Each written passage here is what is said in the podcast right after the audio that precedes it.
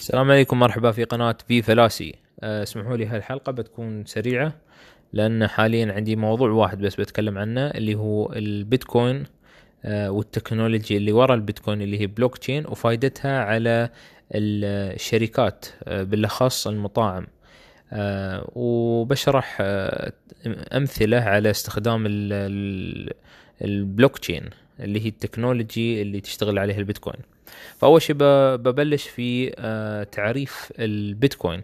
البيتكوين هو عبارة عن عملة إلكترونية أرقام digital آه، آه، تتخزن على الأجهزة أو الكمبيوترات.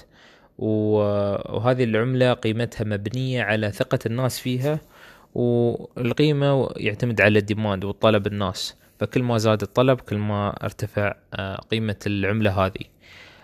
وإلها عدد معين. آه، يعني حاليا العملة يصير لها mining آه، وال mining عبارة عن آه، شبكة من الكمبيوترات شغالة على هالشيء ال miners ولما يوصلون ل 21 مليون بيتكوين بيوقف ال mining فبتبدأ بس عمليات حسابية transactions تصير في كمبيوترات أو أجهزة ال miners.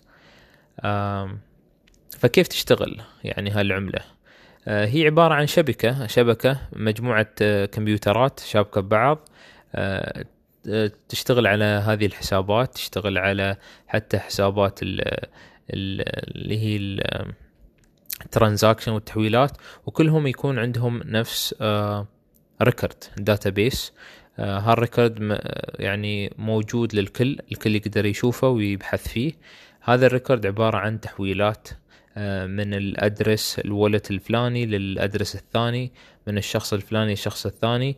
طبعا هالأشخاص مو موجود أساميهم هو عبارة عن address عنوان. عنوان يعني نفس username مثلا. آه، طويل جدا. فمرات يكون صعب الواحد يوصل للشخص يعني. آه، بس في مجال إنه يوصل. يعني في طرق معينة يستخدمونها. الجهات الرسمية أو الحكومات أو الشرطة أو الهاكرز آه، اللي يوصلون لشخص معين. وفي النهاية في طريقة يعني هي مو مية بالمية anonymous لا في طريقة أن نقدر نوصل للشخص الفلاني. آه، كيف يقدرون يتبعون ال transaction؟ آه، يوصلون مثلا ال exchange الفلاني. وين حول هو العملة وين اشترى فيها البيتكوين بس آه، في النهاية يوصلون له آه، وهل هو صعب جدا؟ صعب جدا انه يوصلون للشخص. عادي أنت تتعامل مع آه، شركة exchange خارج البلد زين وتطلب أنت اليوم كجهه معينة تطلب مثلا معلومات هذا الشخص صعب يعطونك إياه لأنها شركة أجنبية تكون. المهم قلنا البيتكوين عبارة عن عملة شغالة على technology آه، يسمى البلوك تشين والبلوك تشين نفس ما قلنا اللي هو ال record هذا ال database اللي صعب يتغير اللي ما تقدر تنسخه. يعني ما تقدر تسوي منه نسخة ما تقدر تنسخ العملة نفسها. إذا أنت عندك في محفظتك الحين على جهازك مثلا 1 بيتكوين ما تقدر تنسخه وتطرش طرش حق أخوك مثلا بيتكوين وبيتكوين ثاني تخليه عندك. ما تنسخ ما ما يشتغل بهالطريقة. فهذه هي قوة البلوك تشين. آه، فأنا بتكلم الحين عن ال blockchain ك technology اللي هي تشغل آه، عملة البيتكوين وغيرها من العملات الإلكترونية. فنفس ما قلنا البلوك تشين عبارة عن مجموعة آه، كمبيوترات شابكة على بعض في network وكلهم شغالين على هالحسابات وأنهم يسوون maintain و verify لل database وال transactions وهالأمور. آه، شو فائدتها في إلها آه، فوائد. أنا بشرح تقريبا آه، مثالين. المثال الأول البلوك تشين نفسه يقدر يساعد في توثيق العقارات والأراضي. حاليا نحن لما نسجل العقارات والأراضي كلها مسجله في أنظمة و database ثابت أو center centralized يعني يكون في مكان في مبنى أو في server معين. وهذا آه، عادي يكون مستهدف أو إنه يكون يعني عادي يحترق ال server أو يصير شيء خلاص ما تعرف منو يملك الأرض الفلانية. أي حد يقدر يجيب لك شهادة ويقول لك أنا والله املك هالبيت وياخذ بيتك.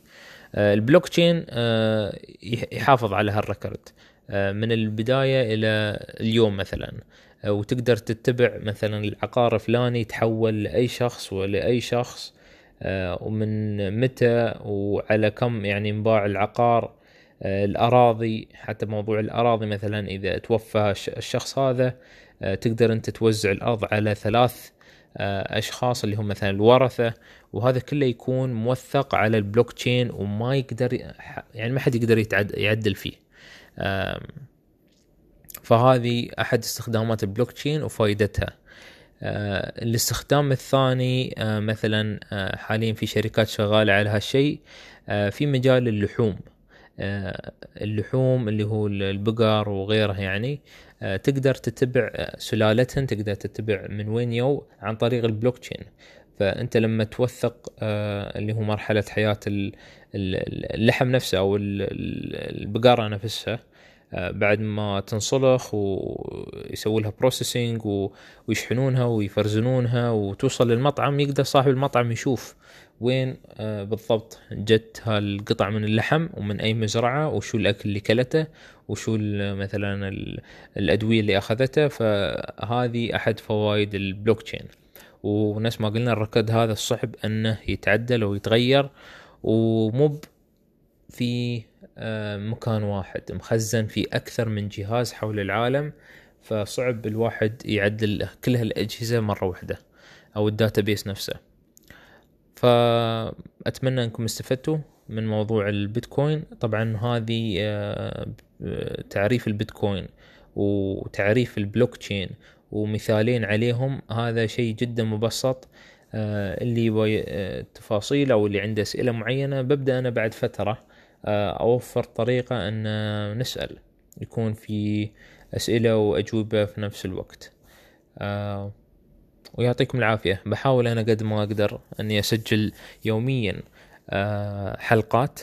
آه، ونشوف لين وين بنوصل. طبعا ما أتوقع القناة هذه أنها تكون بروفيشنال في البداية بس الواحد يطور من نفسه ويتعلم. آه، وإن شاء الله بعد فترة نوصل لمرحلة أنه يكون في مواضيع يعني مرتبة أكثر. حاليا قد ما أقدر بحاول أني أسجل خمس لسبع لعشر دقائق ماكسيموم ما تعدى هالوقت بمعلومات يعني مفيدة عارفنها أنا من خبرة ومن تجربة أو قارنها الكل يستفيد منها. فنفس ما قلنا بتكون تقريبا الزبدة. المفروض هالقناة سميها الزبدة مو في فلاسي. بس خلينا نشوف شو بيصير. يعطيكم العافية. نشوفكم إن شاء الله باكر الحلقة الجاية.